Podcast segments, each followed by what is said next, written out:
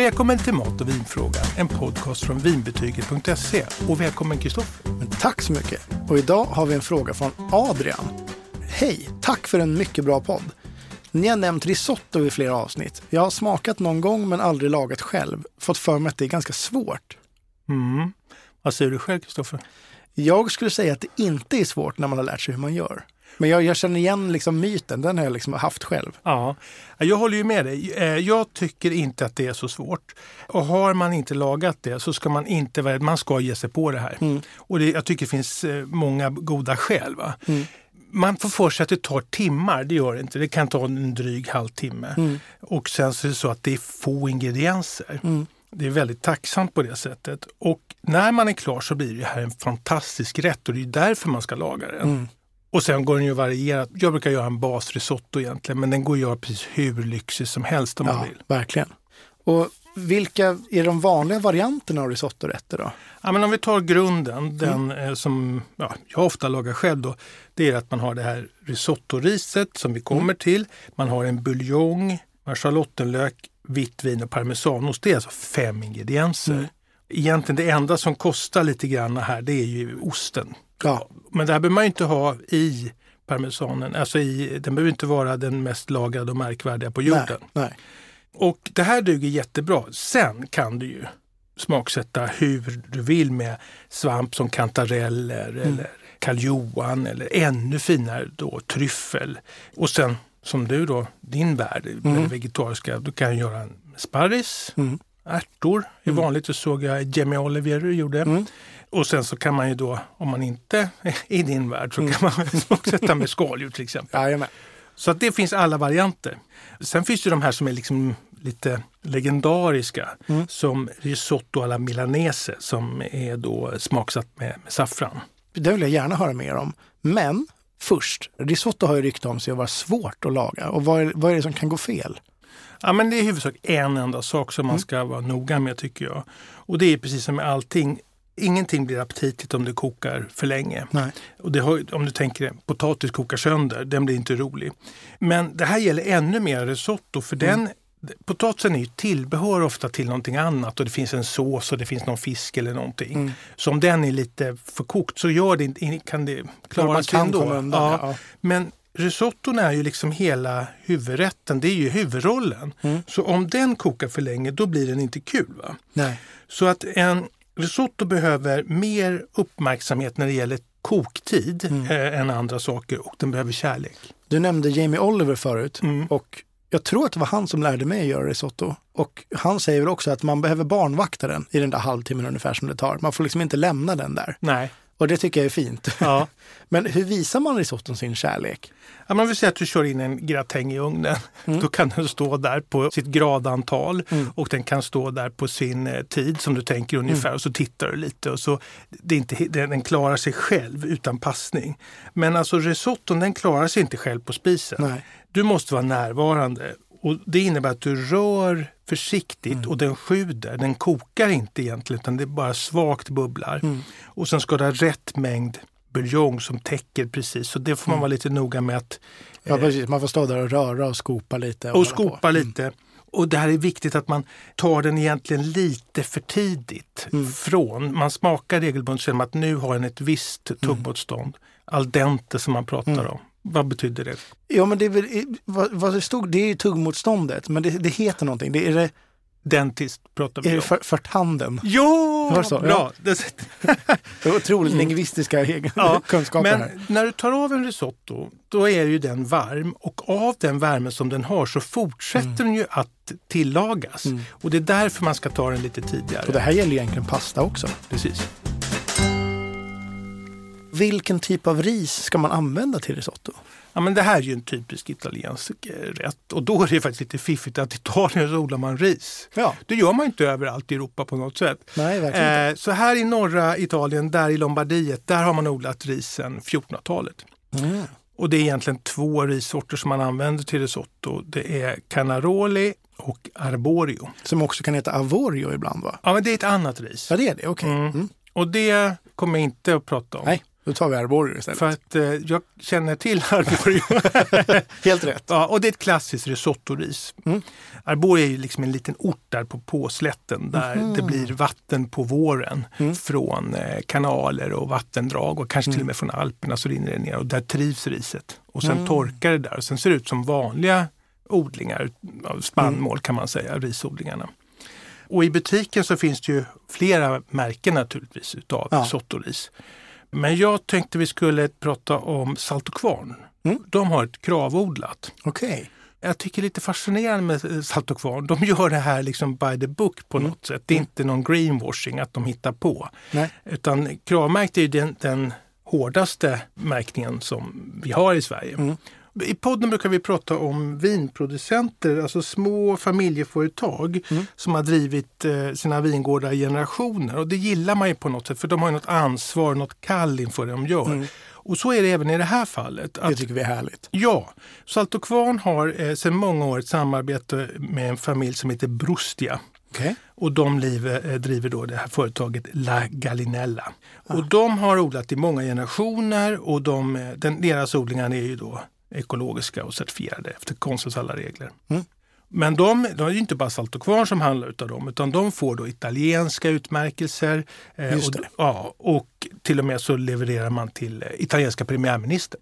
Ja, vad härligt. Ris, alltså, ja, det det, här, det är ju ja. ja, verkligen. Ja, så de kan nog. det. Det, det, kan man tänka sig. Och sen tycker jag också att det är ganska trevligt. Det här kostar, de skulle kunna ta hutlöst för det här Mm. egentligen. Mm. Men då kostar ett paket med 500 gram, det kostar liksom 35-40 kronor. väl någonstans där. Men, ja. Och det är inte mycket om man jämför med vissa andra livsmedel. Nej. Och det Eller här- vin till exempel. Vin till exempel, Mm. bara en sån sak. Men där har du ju då också att det här är en trevlig bjudrätt. Ja. Och för en ganska liten peng. Sen beror det på, har du plockat svamp själv? Mm. Ja, då, eh, ja, det beror på hur du smaksätter den. Mm. Det här bjuder jag ofta på. Du gör det? Ja. Vad är bra att tänka på då när man ska laga en risotto? Ja, men om vi tar Adrians fråga, vi försöker Mm. ta det lite tydligt och pedagogiskt. Först och främst det här alltid, när man ska laga något som man inte gjort förut, ta fram alla ingredienserna.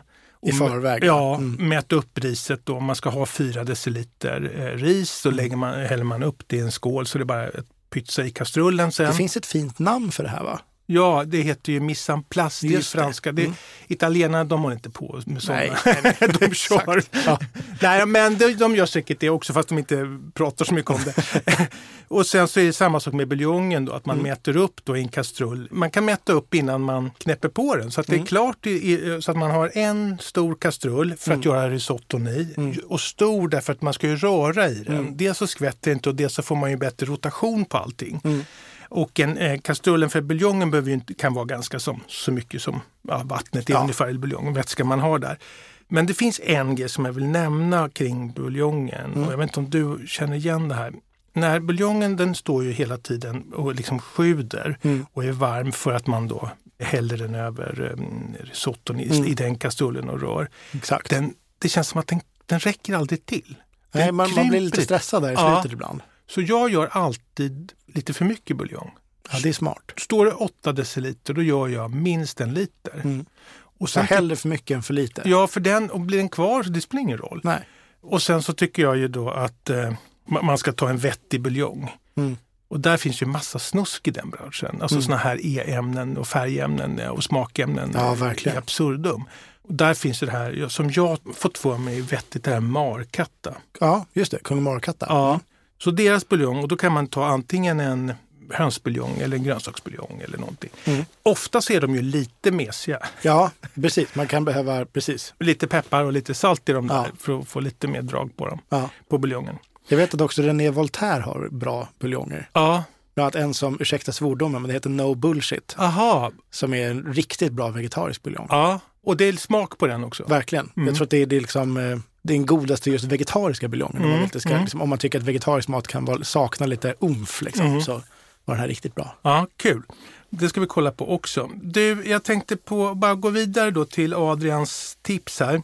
Det första man gör det är att man hackar schalottenlök och fint och det är den milda fina goda löken Mm. och så smälter man den i den här stora kastrullen i, i smör. Mm. Ibland står det olja i recepten. Alltså risotto har massa varianter. Det, Ja. det finns inget facit som man åker i finkan när man gör på, Nej. på ett sätt istället för ett annat. Nej. Utan, och sen så när den här löken börjar bli lite mjuk och så vidare, då tar man den här bunken med ris som man vet upp och så öser man i den i den varma Mm. botten på kastrullen och då fräser det lite och så rör man runt. Mm. Så man nästan inte bryner riset men nästan och det, får smak, det ger smak också Mm. till, till riset. Och därefter så slår man i vin som man har mätt upp Mm. och det kan vara ja, ungefär två deciliter. Mm.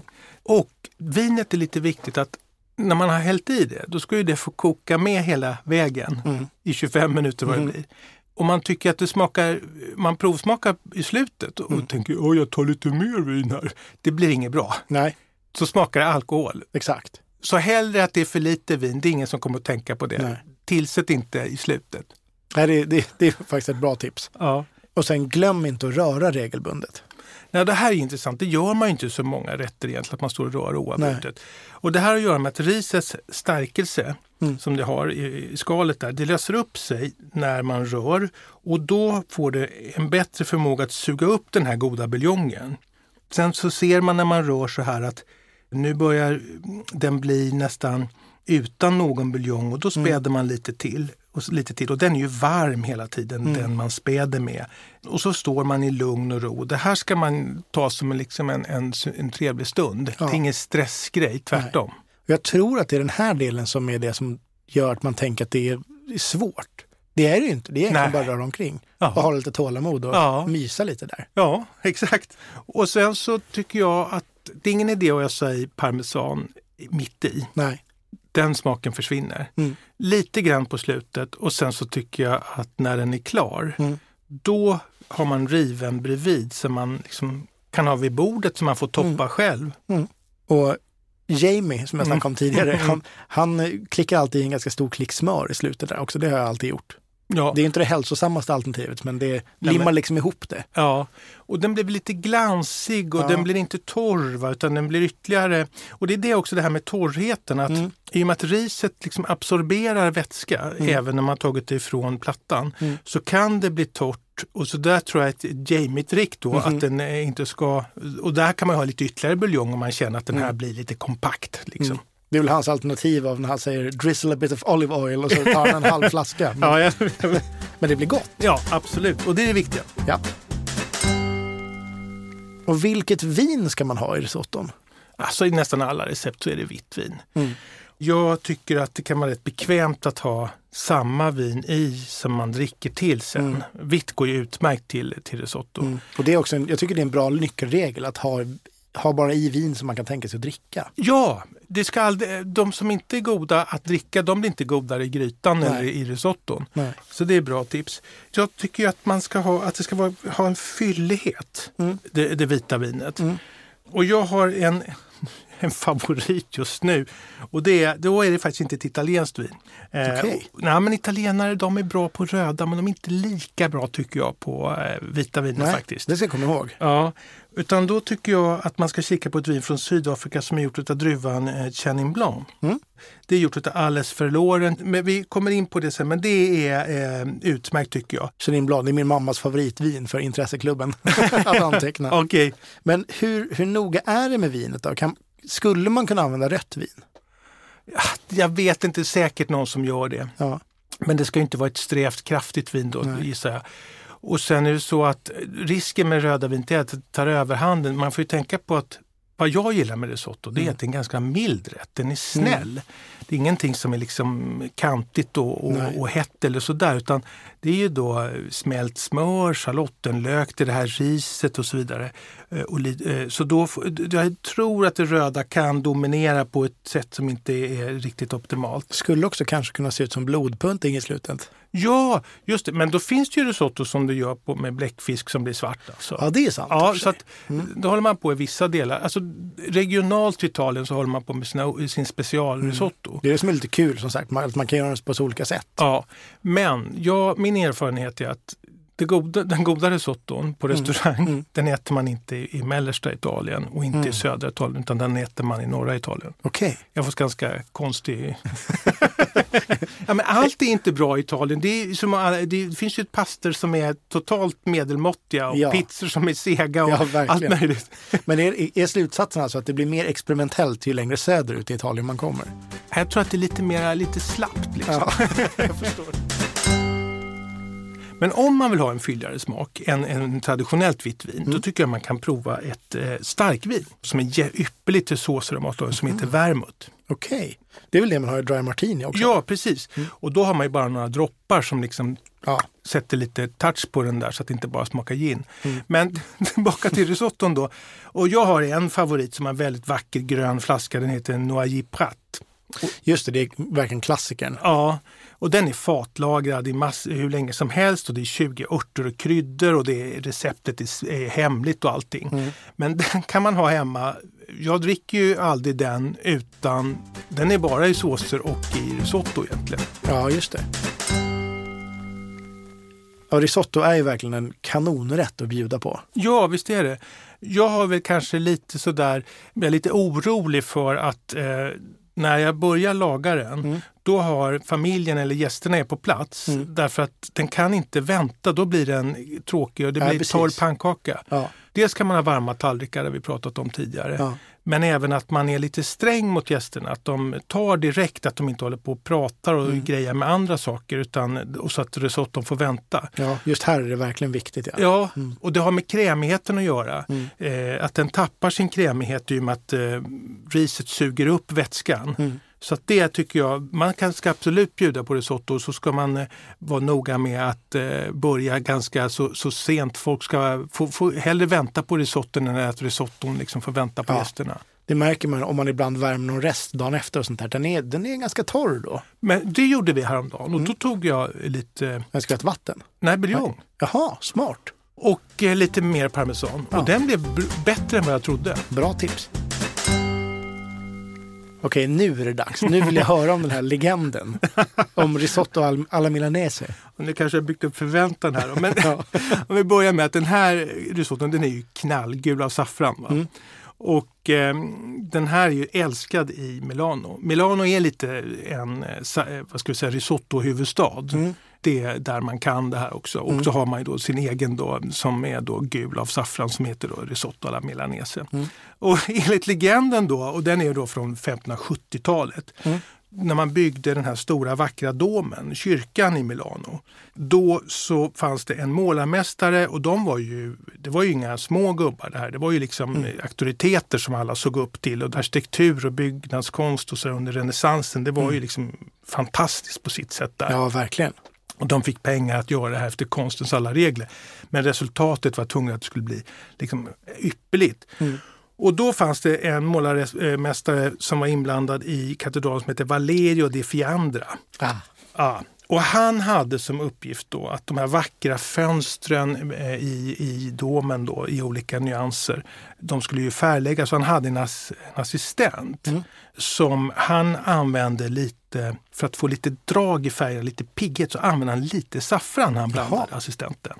Kul. Och han fick smeknamnet då eh, Safferano. Mm. Alltså det är ju saffran på italienska, mm. så han kallades för Safferano. Men den här eh, målarmästaren, han tyckte han eh, liksom gick lite till överdrift med det här för han var så noga med de här färgerna. Ja. Resultatet var bra men han, han, han retade honom lite va? och så sa han så om du fortsätter på det här viset så kommer du till slut att börja liksom blanda saffran i maten. Ja, ja, ja sa han då.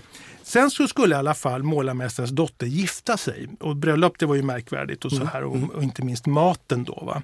Och då tyckte då Safferan att nu skulle han skoja så han blandade saffran i risotton. Han och mm. kocken gick i maskopi där. Så alla gästerna får in den här knallgula rätten som de aldrig har sett förut. Mm. Det bara helt tyst. Mm. Och så tar de en tugga och sen bara ler alla. och då föddes den här rätten av hans hyss egentligen. Mm. Så det, Jätteroligt. Ja, man kan säga att Zafferano är en hjälte. Ja, verkligen. Och nu till vinet då. Vilket vin ska man dricka till? Vi nämnde ju det vita så vi går på ett rött nu tycker jag. Ja. Och då ska vi gå vara i Italien och vi ska gå till en klassisk producent, eh, familjeföretag som jag tror vi har nämnt tidigare i något annat sammanhang. Senato heter den familjen. Ja, men det känner jag igen. Ja.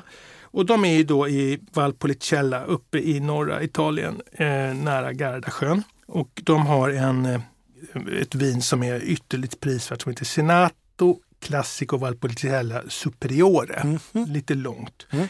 Och det har att göra med att Superiore, då är det att de har skördats sent så det, det. de är mognat lite granna. Och Classico, det är ju som jag nämnt tidigare, att det är ju ett område som har fått den fina benämningen. Just det. Mm. Det är inte en metod, vilket jag kanske hade gissat mig till. Mm. Mm.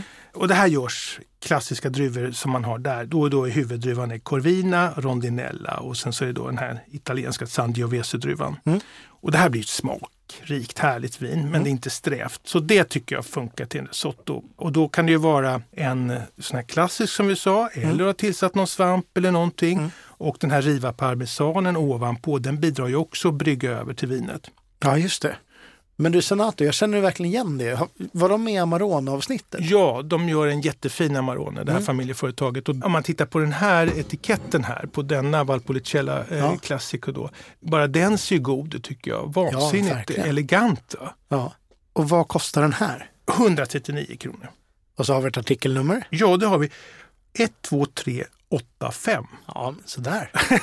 och den här finns ju som vanligt också i avsnittsbeskrivningen. Ja, och eh, den finns även på Vinbetygs topplista Ja. för det här är ett vin som eh, många tycker är bra. Och ett vitt vin om man vill ha det då.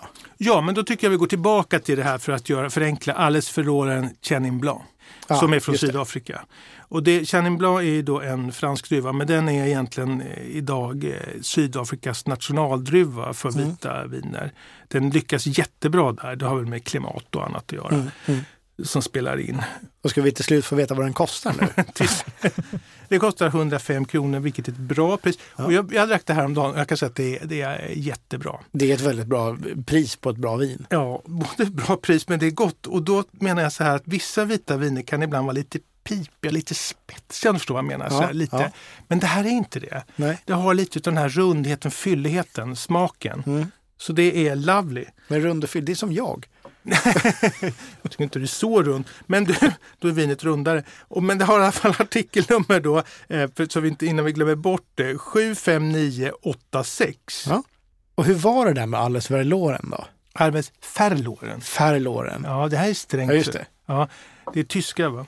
Eh, jo, men det var ju så att det var en bondgård med traditionella, du vet, man odlade vete och såna här saker som eh, i slutet av 1800-talet i Sydafrika så åker man till marknaden och lämnar liksom gården för man ska göra, byta och sälja och greja.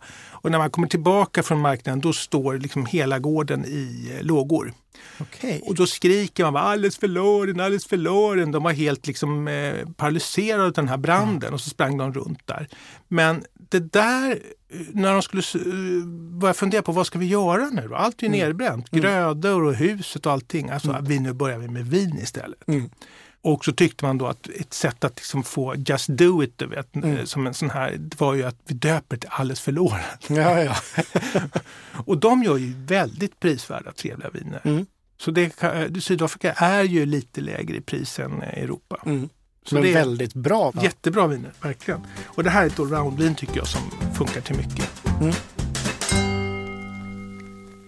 Bra matigt avsnitt. Ja, jag hoppas att Adrian nu ger sig på att laga en risotto. Du får gärna eh, skriva in till oss och berätta hur det gick. Ja, verkligen. Ja, Adrian, ta med dig de här summerande tipsen då. mm, Ha lite mer buljong än vad som står i receptet ifall att det behövs. mm, Framförallt tillägna, se till att du kommer behöva stå där i 30-45 minuter någonstans där eh, och, och barnvakta den här och ge den all din kärlek.